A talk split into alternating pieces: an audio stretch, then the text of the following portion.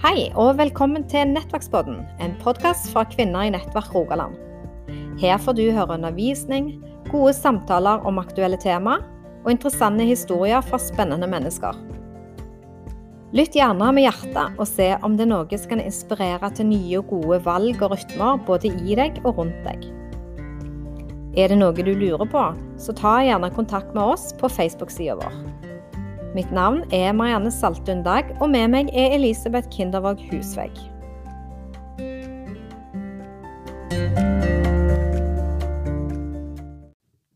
Velkommen til ny podkast. Denne gangen her, Elisabeth, er vi midt i juletida. Mm, nå er det godt i gang med advent, og vi tente jo lyset på søndag som var. Første Ja. søndag i advent. Og Jeg har tatt med meg julebrus. ja, du pynta Har du til jul. Ja takk. Men vi jeg kan- får til. Det her er jo sånn old fashion når du skal Det gikk godt. Oh my goodness, jeg fikk det til. Du poppa den. Så her er jo Gamle kunstner. Ja, eh, du- rød duk her og greier, og rødt lys, og nå, Å, hør lyden. nå freser det godt i glasset. Nå freser det, vet du, med julebrus. Vær Og juleglass. Nei, nå er det stemning. Det er stemning her. Vi liker jo jul, det er jo en fin tid da. For de fleste heldigvis, og det er liksom lys og farge og glede og Har dere gjort noen juleting hjemme? Vi bakte, vi, vi har jo, jeg har jo vært med og fronta. Ja, Oh ja, ja, det er lenge siden. Du, Jeg altså. har jo fronta dette som jeg eh, har døypt sjøl som kvalitetskalender. Så vi har jo at vi gjør ting i lag hver dag Ja, i kalender. ja, ja. Mm. Flinkest, Så- altså. Ja, nei, det er enkle ting. Bare at du har fokus på å være i lag. Så i går så, så kjøpte jeg en ferdig pepperkakedeig, og vi hjulte ut det og kjevla det ut på benken og lagde pepperkake.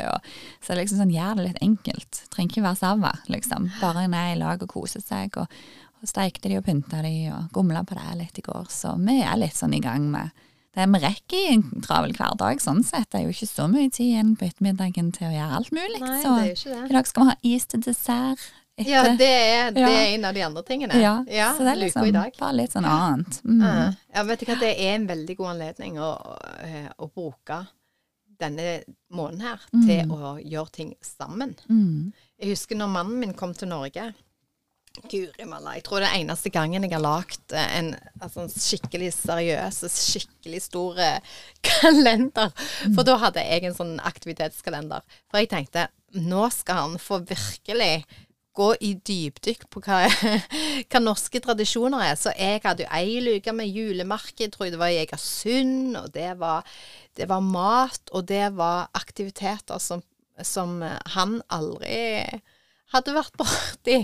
Men guri, det var jo kjempekjekt. Mm. Det var jo mye arbeid, da, men det var, men det var veldig kjekt. Ungene liker jo bedre det, er min erfaring med sjokket. Å være Ja. i lag, finne på Klart ting det. i lag som ikke en har tilgjengelig ellers, for det er jo en julerelaterte ting, liksom. ja, ja. Så, så det, er, det er dagens oppfordring. Bruk dagene godt. Det er, ja.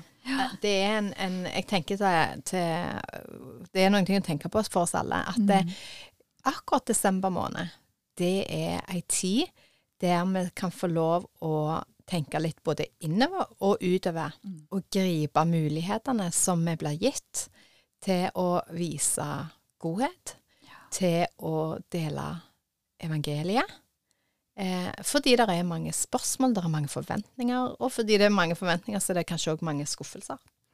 Så jeg tenker at eh, desember, bring it on. Mm. Det er jo mange som lever med hjertet litt lenger ute i denne måneden, sant. Med treffe familie og litt sånn. Og det er annen tid. Litt mer tid til refleksjon gjerne, så da kan folk være litt mer mottagelige òg. For hva groen markerer. Ja. Mm. Men um, fra det ene til det andre. Ja. Sist gang så snakket vi om materialisme. Eh, og litt sånn, ja, hva vi prioriterer i livet. Og da vil vi jo spille videre på det i dag, og overskriften er All in. Og det har vi hørt før i det siste. Kan du snakke litt om det, Marianne? Det som vi ser nå for tida. Ja, det er jo, det er jo et eh, tema som har vært eh, veldig aktuelt pga. den konferansen som skal være i juni. Kan du si litt om den? Ja, altså DESEN heter denne konferansen, og den har vel blitt arrangert både i Brasil og i USA. eh, en del år på rad, der de har samla store mengder eh, unge mennesker. Eh, og nå skal de arrangere det. Det er vel Hovedarrangøren er vel Ungdom i oppdrag, men så har vel de fleste uh, barne- og ungdomsorganisasjoner, kristne barne- og ungdomsorganisasjoner stilt seg bak dette her til en stor event da, i Telenor Arena. Mm, nå har jeg ikke bestilt billetter. Du har bestilt billetter, ja? Oh, yes, jeg er jo kjempeforveden på alt som skjer, så jeg må jo sjekke det ut for meg sjøl. Ja, det blir sikkert knallbra.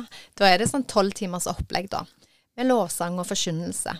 Um, og, og, og, dette har jo da fått en uh, ja, en runde og to i media, eh, kristne media vel å merke, om dette her egentlig er sunt.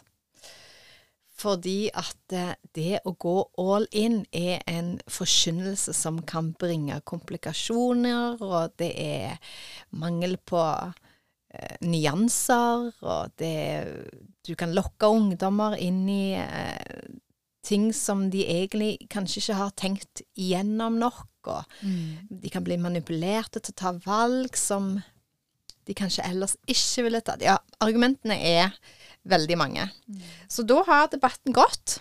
Ja, de som sier dette, hvilke erfaringer har de sjøl, uten å nevne navn, på en måte, men, men de som er skeptiske og, advarer imot, og hva, hvem er de? Liksom, hva er de erfaring med det sjøl, sier de ytrer seg?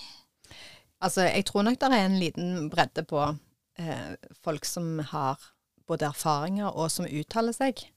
Eh, og jeg kjenner jo selvfølgelig noen av de. Eh, og de har erfaringer med det å gi seg til eh, forskjellige ungdomsarbeid eller organisasjoner eller misjon som har gjort at en har brunnet seg, fordi det har vært en del usunne ting, da. Mm. Så erfaringene er jo relevante. Mm. Det er jo sinnssykt synd at det skal ha vært sånn, mm. og sikkert er ja. Liksom. Mm. Og de fleste kjenner jo sikkert til debatten. Og jeg har jo sjøl Jeg har jo absolutt vært i eh, en del ting som jeg syns har vært eh, ikke har vært bra, liksom. Som, som, jeg har stilt mange spørsmålstegn med. Og, men det kan vi jo komme tilbake til eh, litt etter hvert. For det vi egentlig har lyst til å snakke litt om, Elisabeth, dette, det er jo det selve begrepet eh, som da de har valgt som eh, headline all in, da. Mm, eller sånn hashtag all in for ja. i dette her, eh, dette her, Og jeg er jo med i noen sånn apologetikk-sider på, på, Facebook, for jeg liker jo å se alle folk i brødre og søstre i Herren, hva de putler med og mener og syns og sånn. Og der er det jo veldig mye rundt dette, og da liksom hvordan kan sånn helt rent teologisk forsvare ting, og jeg er litt sånn wow, jeg er så overgitt over engasjementet, liksom, før, før, det i det hele tatt har skjedd. Sant? Jeg er jo litt sånn ja, ønsker å se sjøl hva det er, og se fruktene og sånt. Men det er jo veldig fint, da, å, og se alle slags sider av en sak. Sant mm. vel? Og, mm. og så, er, så, så, så tenker jeg, ja vel, er det sunt å leve all in for Jesus. Jesus. Nå skal du høre her. Mm. Sånn blir det når du skal eh, mikse engelske og norske ord. Vi liker jo å se til Skriften sjøl. Ja. Det er jo det vi gjør i denne podkasten. Ja. Det er forhåpentligvis det vi vil ja, alltid gjøre. Mm. OK, hva sier Jesus? Mm. Eh, og det skal vi gjøre nå. Mm. Eh, og det, så Du nevnte innledningsvis Elisabeth, at forrige gang så tok vi for oss eh, materialismen og det som eh, Jesus kalte mammon. Mm. Eh, og om at vi måtte velge. Eh, og så sier han noen ting annet som du hadde lyst å fortelle, Elisabeth. Ja, altså, Eller lese. Det står jo Jesus er jo ganske tydelig på hva han forventer av de som faktisk følger han. Eh, og der skriver jo de om alle i alle evangelier osv. Eh, apostlene og Paulus. Og, mm, så det er jo mange vers å hente. Men et av de som, som stakk seg ut for meg i dag, er jo det som Markus refererer til, som Jesus sa. Eh, og det står i kapittel åtte. Eh, så kalte han til seg både folk og disiplene sine og sa til dem om noen vil følge etter meg, all in, om du vil, kan vi jo legge til. Om noen vil følge etter meg, må han fornekte seg sjøl. Wow.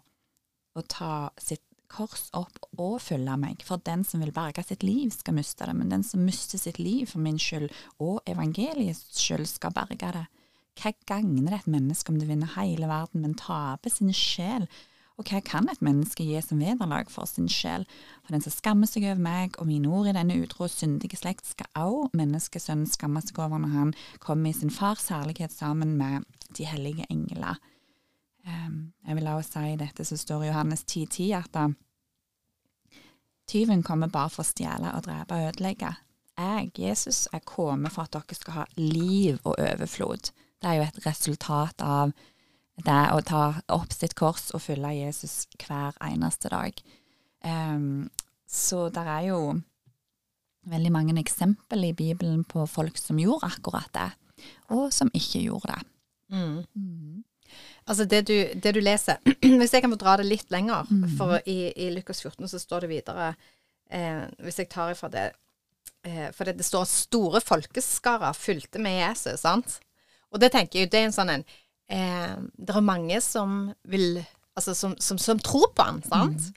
Eh, og, og, som på den måten følger han for de tegnene han gjorde. Sant? Han gjorde vann om til vin, og han gjorde disse her fem eh, fiskene og to brødene, eller hva om det var mm. omvendt, om, og, og, gjorde sånn at det multipliserte seg. Og det var jo sånne store ting som bare gjorde at det, Yes, han der må følge. Her er det action. Her skjer det mm. noen ting. Og så snur han seg om, og så sier han eh, det som du sier. Eh, at han vendte seg til dem, og så sa han om noen kommer til meg og ikke setter dette høyere enn far og mor, kone, barn, brødre og søstre, ja, høyere enn sitt eget liv, så kan han ikke være min eh, disippel, sant? Eh, og så sier han hvis en av dere vil bygge et tårn, setter han seg ikke da først ned og regner, regner ut hva det vil koste, for å se om han har penger nok til å fullføre det? For har han lagt grunnmuren, men ikke makter å gjøre tårnet ferdig, da vil alle som ser det, gjøre narr av han og si denne mannen begynte å bygge, men klarte ikke å fullføre det. Eller om en konge vil dra i krig mot en annen konge, så setter han seg ikke da først ned og tenker over om han med sine 10 000 mann er sterk nok til å møte den andre, så kommer med han med 20 000. Og er han ikke det, så sender han menn av sted for å be om fred mens fienden ennå er langt vekke. Sånn er det altså. Ingen av dere kan være min disippel uten å gi avkall på alt han eier. Wow. Ja. det er klar tale. Ja. Mm. Hva er det han egentlig sier her? Ja. Mm. Jeg tenker når du nevner på akkurat det der, så, så, linkes jo det litt opp til ting som vi har tatt opp i, i flere episoder tidligere òg, men, men, akkurat det der å regne ut kostnader, liksom. Mm. Um, altså, det Hva koster det å tro? Her i dag. Altså, vi har jo snakket om forfulgte kristne tidligere. Vi hadde jo besøk av Ole Lilleheim fra Åpne dører. Vi har snakket om Kina. Vi har tatt opp der, altså, og ikke minst denne her med, med de eh, forfulgte kristne i, i Midtøsten spesielt. Og, og jeg tenker herlighet, hva, hva, koster dere i Vesten å tro i dag annet enn en rykte, og at du selvfølgelig ikke er en del av populærkulturen, du blir gjerne sett ned på latterliggjort, men hva betyr det når vi tenker tilbake på noe som for meg ennå står sterkt i minnet, og det er jo det som vi så på fjernsynet med, med disse som var fanger av ISIS, som ble eh, drept på den stranda i oransje kjeledress, og, og, de tok livet av dem for at de fulgte Jesus, og da tenker jeg at de har betalt en høy pris for å aldri fornekte Jesus. Eh, de fornekta seg sjøl, akkurat sånn som det sto i det jeg leste fra Markus her. Og, og, da tenker jeg wow. Um, det er jo enormt sterkt å, å på en måte ta uh, i betraktning hva, hva, det koster. Mm. Jeg tenker jo at det, i Norge så er det på mange måter lett å være en kristen. Eh, at det, den ideen om å gå all in, mm. altså regne ut kostnaden da, er kanskje ikke fullt utarbeida. Vi har, eh, vi har, rikdommen, vi har tryggheten, vi har friheten, og alle disse tingene her er vi så knytta til at det, bare tanken om å gi avkall på det, den, den, den kommer ikke til oss. Streifer ikke engang. Nei, sant. Mm. Og så er det ikke nødvendigvis at det, det er det vi må, sånn på den måten, men villigheten til det. Villigheten til å ha Jesus før den friheten. Det å ha Jesus før rikdommen. Det å ha Jesus For når, når Jesus er kilden til alt det vi gjør, så ser bildet litt annerledes ut. Eh, når en kjenner det at jeg gjør det fordi at jeg får en Jeg, jeg føler meg eh, Hva skal jeg eh, til, Ikke tilfreds, men jeg føler at jeg er I Jesus så har jeg alt. Når den tingen er på plass, da er du i stand til å gå all in på en helt annen måte. Men hvis at det, det du gjør, gjør du fordi at en karismatisk leder har sagt noen ting, eller et samfunn har for, lagt en forventning på deg, eller fordi at du har vært med på noen ting over tid der dette er kulturen, og du, må, og du kjenner bare at du gjør det litt bare på, eh, på, på repetisjon, og du gjør det bare på automatikk, mm. da vil det komme til et punkt der du stuper. Fordi at det, det som ligger bak det du gjør, det er dreven av andre ting enn denne intimiteten og kjærligheten til Jesus. Mm.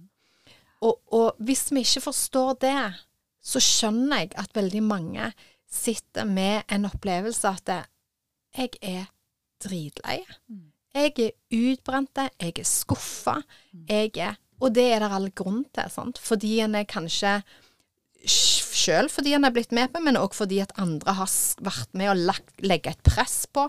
En form av prestasjon, alt dette her eh, på andre, som gjør at eh, de må bli conformed, altså bli en del av dette her for å kunne bli godtatt, godkjent, likt og elska. Det er en veldig forventning, tydeligvis, mm. i, i, dette her, da, fra andre. Og det er fra misjonshus- og bedehussammenheng, så er det jo det som går igjen i hele landet relatert til det, er jo at mange ganger er født inn i det.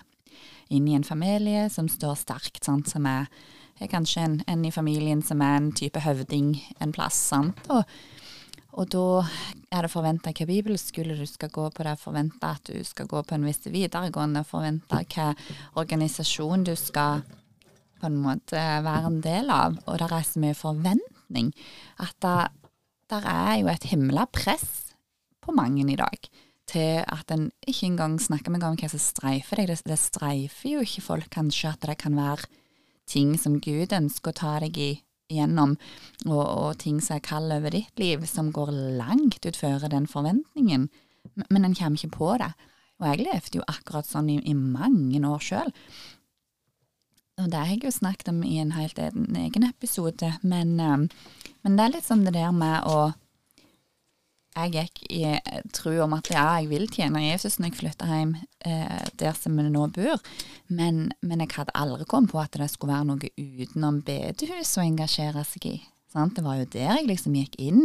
Eh, det var der jeg liksom visste. Der tjente jeg Jesus i en eller annen rolle, og det var ikke så viktig for meg hva rolle det var, eh, bare at du var med. For det var forventa, I, i, I, bare sånn som det alltid har vært. Og det var veldig dumt kjente jeg. For da tok jeg kanskje jobber på meg som i grunnen jeg ikke verken hadde nådegave til eller hadde anlegg for, for det var bare å fylle en eller annen rolle i det organiserte. Sånn.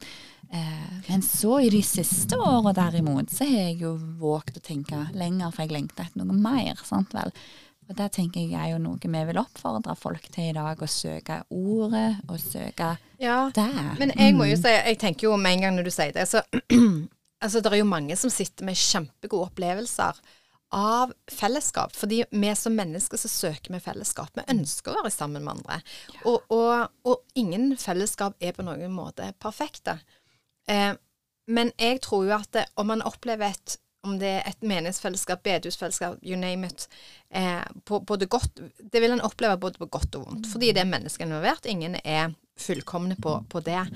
Eh, men jeg vil jo si det at det, kilden til alt når vi gjør. For dette eh, Jeg tenker jo f.eks. For, for deg for å fortelle fra, fra, ditt det du var med i, så var det sikkert godt kjekt der å være med i et fellesskap til en viss grad.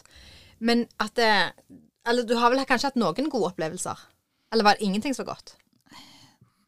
Det er, mm, selvfølgelig er det sikkert det, men du vet så mye bedre sant, ja. vel ifra nå, så jeg, vil, jeg, kan ikke si med hånda på hjertet at Nei. jeg er særlig mye positivt. Nei, og det kan sikkert være mange som har den opplevelsen, men poenget mitt er bare dette. Jeg tror at noen kan ha en god opplevelse, noen har en dårlig opplevelse, og begge to, til og med de som har gode opplevelser Hvis ikke hjertet Altså det der at hjertet er knytta tett til Jesus, der du kjenner at det du gjør, eh, til og med i de gode fellesskapet, eh, ikke er knytta opp til at han har en intim Altså det, Jesus er drivkraften.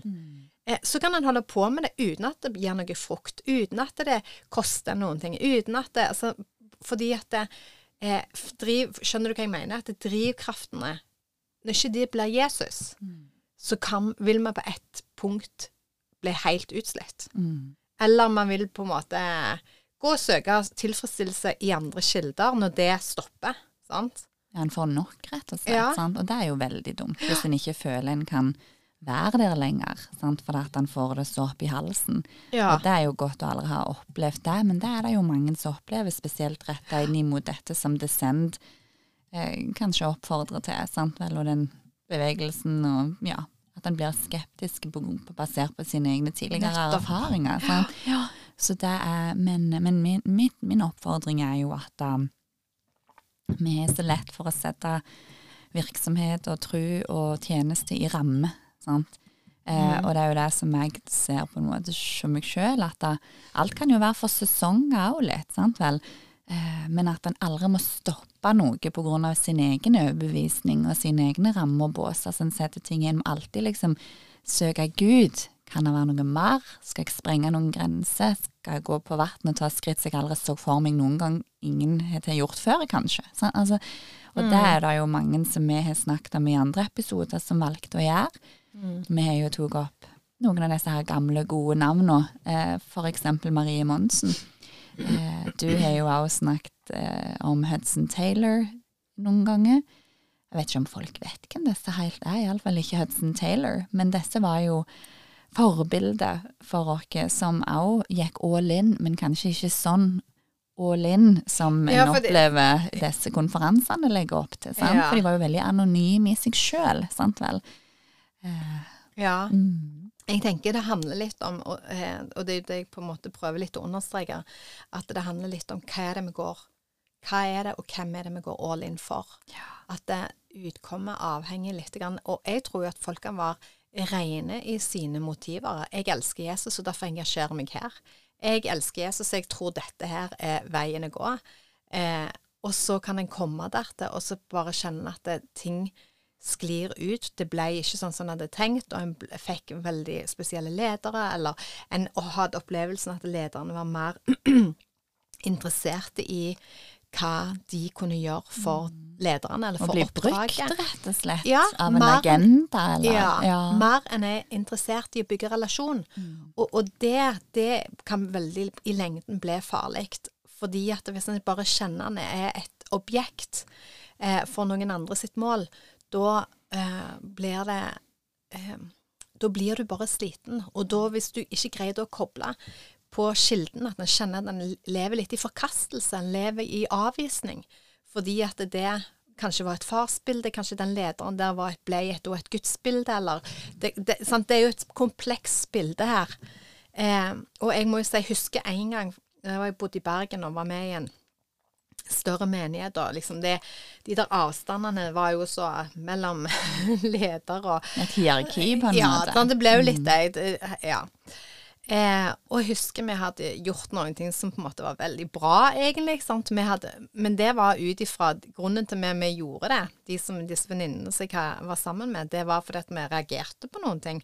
Og satte Det her var jo lenge før alle disse her underskriftsaksjonene og diverse var i, i Ble liksom litt sånn hypt å gjøre.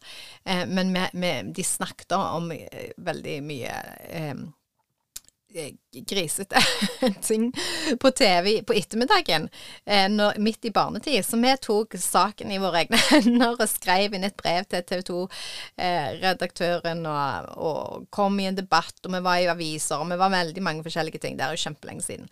Eh, og eh, jeg husker bare da at da bare fikk du den liksom fra, og leder og alt der, liksom bare Yeah, kom bort og hilse og bare ikke Altså, det var veldig sånn Og det er klart eh, koselig, det, liksom. Men, men det mangler noen ting. Det blir et vakuum når det ikke finnes en relasjon på en måte som der du viser interesse i mennesket utenom hva du kan få gjøre. Ja, det blir en prestasjonsting. Ja, sant? Og da når du skaper et sånt et miljø, at du blir anerkjent for det du gjør, eller at du blir kredda for det du gjør, da blir det jo veldig slitsomt. Ja, at hvis du er synlig og veldig sånn Ja. At det òg gir deg kred, liksom. Ja. Og det tror jeg nok at mange har kjent på. Sant? Så når det kommer opp store konferanser igjen, så på en måte er det sånn flashback for veldig mange. Eh, eksempel i sånn som dette her. Eh, som gjør at eh, kritikken kommer på bordet, da. Men så er jo spørsmålet er det reell kritikk. Kan, man fakt kan det faktisk ha vært en veldig vekst siden der òg? Eh, som det absolutt syns, syns ut på meg eh, at det er. Det er så gjennomtenkt og i forhold til både følge opp på det lokale planet og ta tak i ting og være ekte i lede, lede folka inn i disse ekte valgene, da. Men det er en annen ting. Jeg er veldig glad i Francis Chan. Han har jeg hørt på i sikkert ti år, tror jeg, som forkynner. Og han kommer jo til, til Oslo. Fantastiske mann. Han har jo gått en enorm vei ifra å være veldig sentral i sånn megachurches til å bare bli så enkel å reise ut i hele verden og fortelle om Jesus. Og ja, han er jo fantastisk. Um, men så Men- tenker jeg liksom, nå snakker vi om Descend og alt mulig, sant. Og det er jo ikke halvparten av lytterne våre er jo ikke engang liksom i, i målgruppa for dette, sant. Og, og kunne ikke brydd seg mindre kanskje om den ungdomseventen, og leser ikke alt det der dramaet på, på media og sånt heller. Men, men så tenker jeg nå må vi få det litt ned til oss vanlige dødelige som, som ikke skriver i aviser, som går rundt på Jæren og, og vil leve all in for Jesus, sant. Og da tenker jeg litt sånn eh, spørsmål som jeg har trengt å stille meg sjøl i voksen alder, som jeg jobber stadig med å stille meg sjøl. For det, vi går jo gjennom hele livet liksom med om, Det står i Bibelen om dette med helliggjørelse, sant, og at det er så vokser det, det er Gud. med, altså, sånn, hvis det ikke vokser, så, så må en spørre seg om igjen liksom, er jeg litt på vei her. Og da har jeg spurt meg sjøl hva frykter jeg å måtte gi opp i mitt liv? for å gå mer videre inn på det som jeg opplever Jesus kaller meg til. Eh, og det tenker jeg er jo et kjempereelt spørsmål for alle og enhver. Å spørre seg er det noe jeg liksom kjenner jeg frykter å gi opp. Ryktet mitt, for eksempel. Det var jo veldig sånn for meg. Eh, at det liksom folk skulle håne meg, sant. Men så bare løy hvordan du på en måte går en vei, og til slutt så betydde ikke det noe lenger. Hva folk syns om meg når jeg er med i podkast eller deler offentlig, liksom, og sånn. sånn.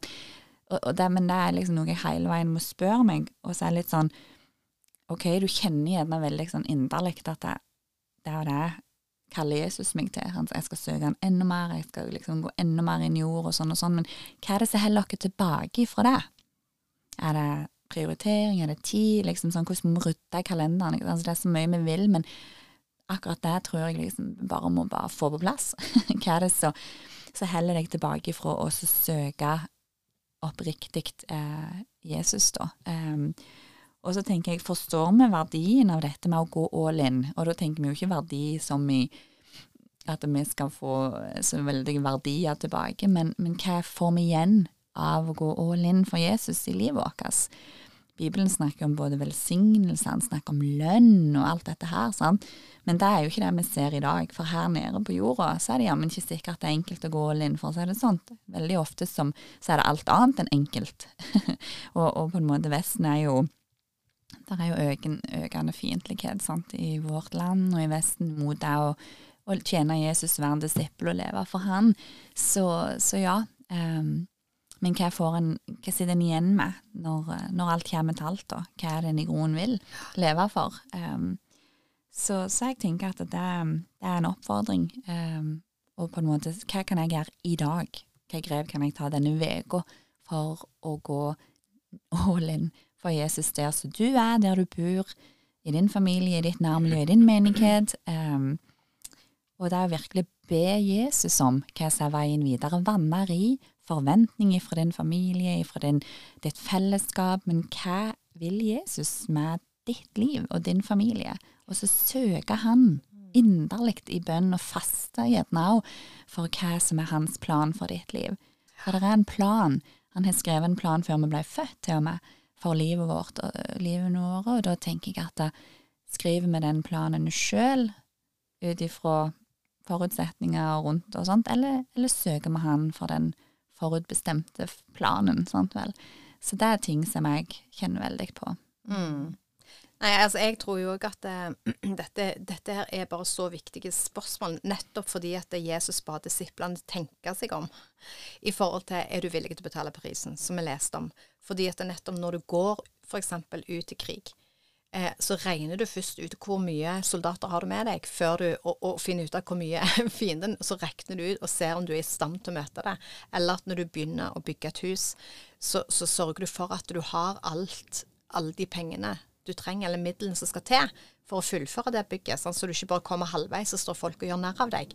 Og det er jo det, nettopp i det at det, eh, du, du, gir alt. Og så må vi få dette her ned, da, på, som du sier. Vi må få det på et praktisk nivå. Hvordan ser dette her ut mm. for meg i dag?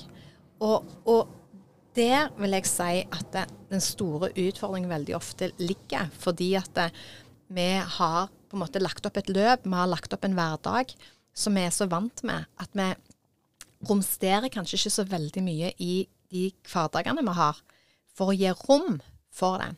Og jeg må jo òg, som mange kanskje vet, så kjenner jo jeg at dette her med bønn er ufattelig viktig. Eh, og det er fordi at Jesus sjøl levde det livet. Han trakk seg vekk. og Han var med, Jesus, han var med Gud, med, med, sin far, hele netter. Han trakk seg til side. Når, når, han skulle inn i eh, og ba disiplene våke, så refsa han dem. Altså, det er noe gjennomgående hele veien i forhold til dette med bønn. Og jeg vil si at det, det er lettere for oss å gå på møter, sette oss på en stol, for den saks skyld sette seg ned og høre på en podkast. Mm. Eh, og, og, og, og, være med på ting der du må gjøre liksom, Eller ikke gjøre så veldig mye, men bare være og lytte eller være til stede. Passiv deltaker. Ja. Mm. Enn det er å faktisk f.eks. be. Og derfor vil du jo se at f.eks. bønnemøter veldig ofte er, er, er Der er det tomme rekker. Fordi i bønnen så arbeider du. I bønnen så skjer det noen ting. Og det kan være noen. Det kan være et offer, om du kan si det på den måten. Det å vie seg til bønnen. Det å Sånn som Anna i tempelet, hun var der dag og natt. Eh, og hadde satt av sitt liv som en bønn eh, til han, der hun levde i dette fellesskapet med han. Og, og, det å sette av et par timer, og nå kan liksom folk kanskje sitte her et par timer, jeg får ikke til to minutter engang, liksom. Mm. Men det er noen ting med å sette seg en del mål for å komme der til. Fordi at mm, bønnen er noe av det vanskeligste. Det er en bønnemuskel vi må trene opp. Ja, mm. og, og, det skjer ikke av seg sjøl. Vi kan tenke jeg skal be mer, eller sånn. Og så ligger det bare der og henger over en, for en kommer seg aldri videre får aldri gjort den. En får ikke satt av den tiden. Så det å sette av ting tid eh, til de tingene vi kjenner er viktige, det er avgjørende. Det er litt kult å tenke, altså, Du nevner på hvordan Jesus gjorde det, men det er en, en, en ting lær, eh, var det disiplene spurte Jesus om å lære dem. Han, de spurte han aldri kan du lære oss å drive ut demoner eller helbrede. og sånt. De bare så på hvordan han levde. Men en ting står det, at de ba, han, eh, ba Jesus om å lære dem, og det var å be. Mm. Og de så jo hvordan han ba. Mm. Sånn som du sier, alt, hvordan han brukte så mye tid med sin himmelske far. Eh, og da skulle ikke vi gjort det. Og det er jo ingen verdens ting på denne jorda som, eh, som har skjedd av disse her store vekkelsene når, når um, uten at folk har vært kjempededikerte i bønn i lange tid i forkanten. Vi nevner jo Marie Monsen. Hun ba jo fillen i 20 år før mm. verdens største vekkelse brøt ut i Kina. Mm. Det sier jo litt. Da. Ja. Mm. Det, jeg tenker jo Marie Monsen er jo som, uh, som, nevnt et eksempel på dette her med å gå all in. sant? Og det igjen fordi at du ikke hadde hele veden og reiste heller, sant? Mm. men fordi hun vokste inn i det. At det, når hun da fikk duft, dufteri og hun fikk tyfus, så, så, ble ikke hun bitter. Hun, ble ikke, hun levde jo med smerter i mange år. Mm. Eh, og, og, hun trodde jo òg oppriktig at det, eh, Gud ikke ville helbrede henne, og at det ikke var noe som var operativt. Og når hun da til slutt hadde en drøm om at det, eh, hun så ei som skulle komme og be og salve for henne i drømmen, som var der, og så uh, sto hun opp og ba de om å salve henne. Eh, og de gjorde det. Hun ble momentant helbreda. Men greien var bare at hun trodde da, på det tidspunktet, at det, det kan bare skje én gang. Du får bare helbredelse én gang. Ikke vet jeg hvor hun fikk alt dette her fra. Men det der med at hun fortsatte og så inn jord, og så så hun jo bare det at det, Oi, han, han vil helbrede alle. Eller han vil bry seg om alle situasjoner i livet vårt. Han vil ta oss igjennom. Men det å holde ved og holde fast på det, det var kjennetegnet med Marie Monsen. At hun bare OK, herre, jeg har kanskje ikke sett det. For, for, veldig mye av anklagene nå i dag, det kan være veldig sånn at Ja, disse her, de lover hytt og pever, og de, sant, du skal bare gi alt, og så skal du få alt dette her tilbake. Og så og så sitter folk liksom litt der i benkeraden med, med, med, skuffelser og bitterhet for hvorfor ting ikke skjedde, og hvorfor det ikke ble som en hadde tenkt. Og, og så har han satt sin, sin, lit på en måte til, eh, eh, til predikanter og forkynnere som lover gull og grønne skoger, mm. istedenfor han kanskje har vært og satt seg ned med Gud sjøl. Hva er det du sier, Herre, om min situasjon? Hva er det du, Gud, vil vise meg? Og vente på Den hellige ånd, så Den hellige ånd kan åpenbare og vise og gi et ord rett inn i situasjonen. Og det var det Marie Monsen gjorde. Selv om hun måtte vente, så virka den ventetida noen ting i henne mm. som produserte et hjerte som bare var helt med han uansett, og ikke ville kompromisse. Mm. Eh, og jeg tenker nok at dette her er eh, budskapet i dag, fordi at han Eh, det skjer ting med oss når vi begynner å kompromisse. Eh, når vi begynner å si ja, jeg kan gi litt av tida mi der, eller litt av hjertet mitt til det, eller litt av hjertet mitt til det. Mm. Så har du plutselig et delt hjerte. Og når du har et delt hjerte, så er det ikke da får du ikke oppleve å ha en eh, Å være ja, all in. Mm. Fordi at oppmerksomheten er retta mot så mange ting du ønsker å gi tida di til. Du ønsker å gi pengene dine til. Du ønsker å gi energien din til. Og her er det et kall som går ut i dag. Og derfor tror jeg at dette begrepet all in har blitt så diskutert. Fordi det er nettopp det Gud ber sitt folk om for denne tida. Det rører jo meg i nerver. Ja. Mm. Han, han, kaller folk til å si er du villig til å betale prisen? Er du villig til å gi hele livet ditt for eh, å finne livet? Er du villig til å miste livet for å finne det? Og nettopp fordi dette er et, et, et rop fra Guds hjerte, så når det der kommer ut, eh, så blir det røre rundt det. Og en drar opp alle greier. Og det kan være greit. Dra opp, la ting bli dratt opp, så en får mm. definert og komme klarere. Mm. Hva er det egentlig Jesus sier om dette? Mm. For det er det som er viktig. Det er han jeg skal gi livet mitt til. Jeg skal ikke gi livet mitt til en menighet eller til en, en pastor eller en prest eller en leder. Jeg skal gi livet mitt til han, jeg. Og så skal vi selvfølgelig eh, få lov å ha fellesskap med hverandre, men det trenger ikke se ut sånn som det er skapt i dag. Vi må gå til ordet. Og, og, og jeg må jo virkelig si at eksempel når jeg tok DTS, eh, så var det mange ting og regler der som jeg bare sånn Hæ? Skal, hvem skal bestemme over min seng? Skal min seng skal jo se sånn ut, eller? De får lov til det, jeg får ikke lov til Og det var så mange ting som rørte seg i meg, som jeg ble eh, Måtte du reie senga? Jeg måtte jo reie senga, vet du. Mm.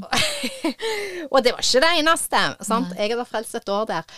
Men jeg merket jo at eh, disse tingene virka noen ting i meg. For jeg kunne gått ut i fullt opprør og bare blitt helt sånn Disse her kommer her og skal bestemme og fortelle meg hva jeg skal gjøre. Men så virka det noen ting i karakteren min på sikt, der jeg måtte gå til Gud med det, og ikke leve i mitt opprør, da.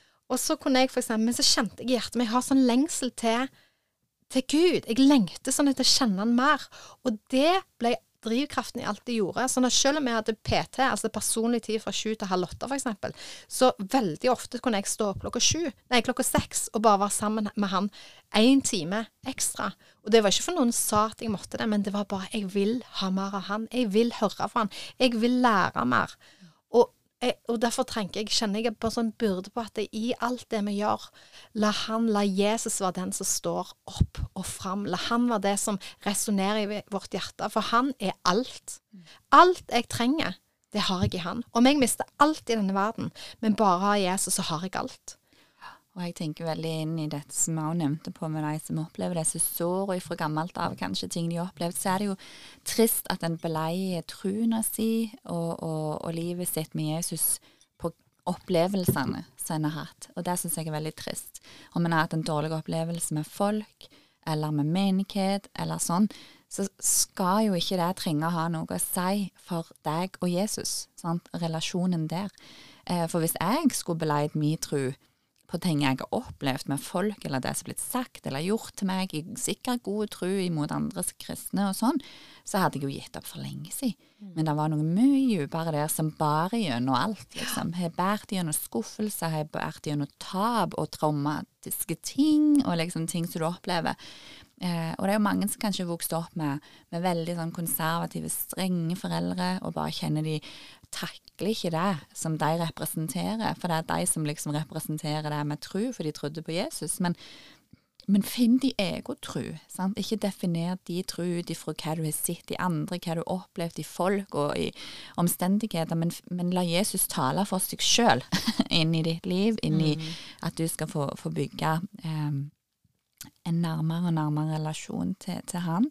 Så, så sår og kan um, ja. trenger ikke ha noe å si for Jesus vil gjøre i, i den enkelte sitt liv. Um, og det som du sier der, Marianne, er jo på en måte akkurat det som jeg òg brenner veldig for, at livet med Jesus skal være uansett. Mm. sant? Og så ja, så skal jo en bidra rundt forbi, sant, og, og sånn, men, men, hvis en Og det er også jeg kjenner liksom litt på, så blir det så rart for meg mange ganger at det er veldig sånn like holden til det en tror på i hverdagen, men så lenge en går inn før Guds hus eller fire vegger, da gjør en masse ting for Gud som en aldri hadde kommet på en skulle gjøre ellers, liksom. At det på grunn av at menigheten vil, så står jeg på torget og, og, og, viser godhet mot folk på lørdagskvelden som er ute og, og drikker. Sant? Men en hadde aldri kommet på at en skulle gjort det til vanlig, liksom. Eller at en aldri bryr seg med unger og deres ve og vel i hverdagen, liksom i gata der en bor, men en går inn i en menighet og likevel er med i et barne- og ungdomsarbeid. Mm. Sånn? Altså Disse her tingene får ikke jeg til å henge på greip. For det, det skal liksom komme fra en sånn indre kall, og så skal en komme inn i forsamlinger og menigheter, ja, med dette på ryggen, med, som, sagt, som, som sier greia. Men, men, hvis jeg føler rett og slett blir hyklerisk, da, når det er at dette bare er noe som skjer der, mm. som en aldri ser ellers, mm. liksom. At en kan forkynne noe der som en ikke faktisk bærer med seg ut i dagliglivet, liksom. At en ønsker liksom så mye for folk rundt i bygda, men en hadde ikke kommet på en skulle si hei nesten til de en treffer i gata. Altså, det er så mye her som en må rett og slett våge å se inn på. Mm. For det er ikke bare huset eller organisasjonen som skal definere troen, og, og, hvordan dette får leve ut, liksom utspring, eller leve ut i, i vårt liv, da. Um, Nei, det, det der du sier der, det er knallviktig, for det handler om integritet. Mm. Det handler om at noen ting ikke er blitt pålagt enn innenfor visse rammer, men et liv som en lever fullt og helt, ikke stykkevis og delt, som Henrik Ibsen sa. Mm. Eh, fordi at jeg tror at i det øyeblikket, f.eks. all in da, blir et slagord, så har du tapt. Mm. I det øyeblikket, det du gjør på en måte altså, Vi gikk jo med disse 'What would Jesus do?' Jeg gjorde ikke det da, men med sånne armbånd. Oh, ja. mm. men det òg ble liksom en sånn en slogan, sant. Mm. At man kan bare kle på seg noen ting, og så kan man få det liksom i, i måten man snakker på. Eller, ja. ja. Men det er jo et liv vi er ute etter her. Mm. Det er jo på en måte et kall til eh, en invitasjon til å eh, gå i dybden og leve et spennende liv sammen med han som har skapt deg, han som vet hvordan du skal eh, fungere, eh, han som vil ta deg gjennom det vanskelige, han som vil ta deg gjennom eh, skuffelsene, han som vil ta deg gjennom tapet, han som vil gjenopprette det som har vært vondt, han som vil snu det onde om til noe godt, det som du opplevde i sammenhenger, menighetssammenhenger, det som du opplevde av overgrep, på, på, på, mentalt, fysisk eller psykisk, hva det enn måtte være, det ønsker han å snu om til noe godt. Han mm. ønsker å bruke det. Han ønsker å vise at dette er ikke meg, men bli kjent med meg. Og det er der invitasjonen ligger. Og jeg tror jo det. Jeg, her om dagen så, så jeg på nyhetene et, et nytt konsept, eller en nytt, ny kunst, eh, som lå eh, ute, som har kommet ut med det den svimleste summen du kan tenke deg. Nå skal jeg se om jeg finner Jeg må bare se, for det var bare helt Kunst? Ja, ja er du kunstinteressert? Nei, nei, fillen. Der, der reiv jeg den her. Ja, jeg syns kunstinteressert det er jo et godt spørsmål. Ja. Men det er noe som heter Åh, hva var det for noen ting? Jeg kan jo snakke om et forbilde jeg fant i, i forkant av denne podkasten som jeg ikke har lagt så mye merke til i Bibelen før. Skal jeg nevne han mens du finner det fram? Jeg, Der kom det. Å ja, da bare sier du det. ja. Mm. Det, det er noe som heter å, NFT. Eh, dette bildet koster 1,3 milliarder kroner. Eh, og det er et bilde som heter Kryptopunk 3100. Og den er, det er en ny trend da, som de tror vil revolusjonere eh, måten vi tenker på da, og eier ting på. Og jeg, når jeg så det bare sånn Hæ? 1, nå snakker vi ikke om sånn kunstverk som vi er, er liksom vant med, og de har jo svimlende summer. Men, men dette her er noen ting som er eh, disse NFT og dette her bildene, så du kan Så du ser digitalt, da. 1,3 milliarder hadde det røkt opp til. Og det er jo så store summer, sant. Men det er fordi man ser en viss verdi i det. Man ser at det har en verdi, eh, på samme måte som man har med kanskje f.eks. noen av eh, Gustav Klimt sine malerier, eller for den saks skyld eh, Munch, eller eh, Man setter en verdi på noen ting, og er villig til å betale den prisen. Men mitt spørsmål er hvor hvor, hvor, hvor verdi, hva verdi setter vi på Gud? Hvor mye betyr han for oss? Det vil gjenspeile seg i vår hverdag. Det vil gjenspeile seg i hvordan våre liv ser ut i det, f.eks. sånn som du nevnte om Bryr han seg da om barne, barne og ungdommene, eller i, i, i, rundt seg, eller hvordan lever en ut livet sitt når han er på jobben? Eh, tar en tar en ting, tar en Guds ord på alvor? For greien er at hvis ikke vi tar han på alvor, så vi må, hvis vi tar han på alvor, hvis vi tar Gud på alvor, så vil han ta oss på alvor. Da begynner han å svare. Han begynner å, å, å vise at hans ord er sant. Men hvis vi begynner å kompromisse på alt mulig, og ikke er villige til å legge våre liv ned som et hellig offer, som det står i Romerne 12, så er det ingen ild som kan komme. For hvis det er bare et offer, men det er ikke noe, nei, bare et alter, og det er ikke noe offer på det, hvordan hvor Hva skal han da brenne opp? Skal du si? Ja. Hva skal han sette fyr på? Ja, Mm. hvor, hvor kan da ilden lande? Og vi vil jo ha et liv som har, er kraftfullt, som har denne ilden. Men hvis vi ikke legger fram våre liv som et hellig offer til Han, så har vi ikke lenger en åndelig gudstjeneste. For det er det den åndelige gudstjenesten er. Hverdagen vår. At vi legger eh, våre liv framfor Han. Tar valg i hverdagen som gjør jeg sier mer av Gud og mindre av meg. Mm. Jeg legger ned kanskje ting som har vært eh, mine hobbyer, kanskje ting som jeg, jeg holder ser på, kanskje ting som jeg er opptatt med, kanskje så, ting som er med på å for den saks skyld bryte en sjøl ned. En velger å gi mer timer i hverdagen til Gud. Og da ser en mer og mer at Gud har en verdi. Han er ikke bare en som en tar som en selvfølge. Jo, Gud fins, Jesus fins, Bibelen fins, det fins noen menigheter rundt omkring. Jeg går, går litt uh, her og litt der, alt etter hva som passer meg. Det er jo det. Og iallfall nå når det er jul, da skal vi iallfall gå på julegudstjeneste. Altså, jeg mener, hva det er for noen ting. Det blir jo religiøst, da, sant vel, og Ja. bare tradisjonsbasert. Og jeg, Og det er ikke all in. nei, og jeg tenker liksom du snakker om at den er delt. Eh, Jeg får for meg dette bildet med brud og brudgom. Sant? At det er bruden som er oss som tror og følger Jesus i verden i dag, og han er vår brudgom. Men hvis bruden er, deler på sin intimitet andre plasser, så blir en jo som en prostituert brud, på en måte. Og det er jo ikke det Jesus som brudgom trenger. Han vil en, en, ha en brud som er all in for han. Eh, at vi som tror skal, skal ha kun han. Det er der vi skal vise vår kjærlighet til han. Men det som, som jeg liksom tenker at det blir mye sånn 'Å, dette må du gjøre', liksom. Men det som er så godt og trygt å vite for meg, er at det, han er jo her for å hjelpe oss med disse tingene. Og det er jo derfor vi trenger dåpen i Den hellige ånd. Sant? Eh, for han Den hellige ånd er jo der for alle som tror. Du får full tilgang på denne hellige ånds gave når du velger å følge Jesus. Sant? Og for meg så er det jo himmel og jord i forskjell på før og etter.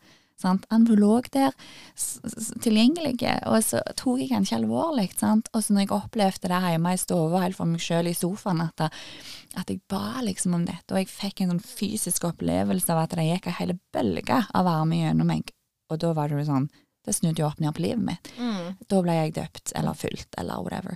Og, og disse her ting er så lite kommunisert. Altså, det er så viktig, for hvis ikke så går vi jo i egen kraft. Da strever vi. Da blir vi utbrente. Og da får du den der pisken på ryggen, Ja. at du ikke er Du har ikke gjort nok. Du er ikke god nok. Ja. Du strekker ikke til. Og så får du disse herrene tingene som, som du føler sjøl. Altså, men du får den her indre driven, sånn, hjelp og på en måte brannen, på en måte. Det er så viktig, for hvis ikke så blir det så skakkjørt Mm. eh, for oss, både i menigheter og ellers, der en liksom men, men det er så lite snakk om Den hellige ånd, sant? iallfall i mine sammenhenger. Og, og, da, ja, og da kan du ikke forvente noen ting, altså. Dessverre. Verken vekst eller indre vekst eller noen ting. Um, Og så Um, tenker jeg òg at det bare sånn av, igjen avslutningsvis her, ja. eh, så tenker jeg at det, en av grunnene til hvorfor det er så viktig å ta den tida sammen med Jesus, det er fordi der finner sjela di ro. Mm. Der finner sjela di fred. Og der finner du ut av at du er elska. For hvis du ikke opplever at du er elska, og noen utenfra kommer og sier at du er, du er elska, Mm. så kan det kanskje løfte deg der og da, men det å bli, få den overbevisningen og erfaringen av at du er elska, at han har en plan med livet ditt, og han vil ta deg gjennom, da blir ting lystbetont istedenfor at det blir så mørkt og vanskelig og tungt. Mm. Og jeg tror en nøkkel inn i det er å leve i takknemlighet. Leve i takknemlighet til at Gud er trofast. Han vil svare. Han vil være med oss. Han vil ta oss gjennom det vanskelige, det tøffe og det vonde. Å velge å tro at det er sant, det er en begynnelse på å gå denne vandringa som handler om å være all in. Mm. For det er bare det at han vil ha hjertet vårt. Jeg må jo bare nevne han her som jeg, til slutt så jeg fikk som forbilde, for han er jo akkurat svaret på det som du sier der, og det er jo Barnabas som jeg har lest om nå. Og jeg bare for en fantastisk mann som Bibelen forteller om. Eh, og med, Første gangen jeg leste om det, så var det i apostelgjerningen 4. Der står det at han solgte jordeiendommen sin og ga pengene til apostlene. Så kult. sant? Bare, å, det er all in. Da er du klar liksom for å ofre av ditt eget. sant? Eh, og så var det jo når, når Saulus hadde blitt omvendt i møte med Jesus, og Paulus da kom tilbake til Jerusalem og prøvde å bli venn med disse som tidligere hadde forfulgt, sant? så var det jo ingen som trodde på han. Men hvem var det som sto fram og på en måte talte Paulus sin sak? Det var jo Barnabas. Det var jo han som ble på en måte han som gikk gode for han da, inn imot de kristne, sånn at de ble i fellesskap da.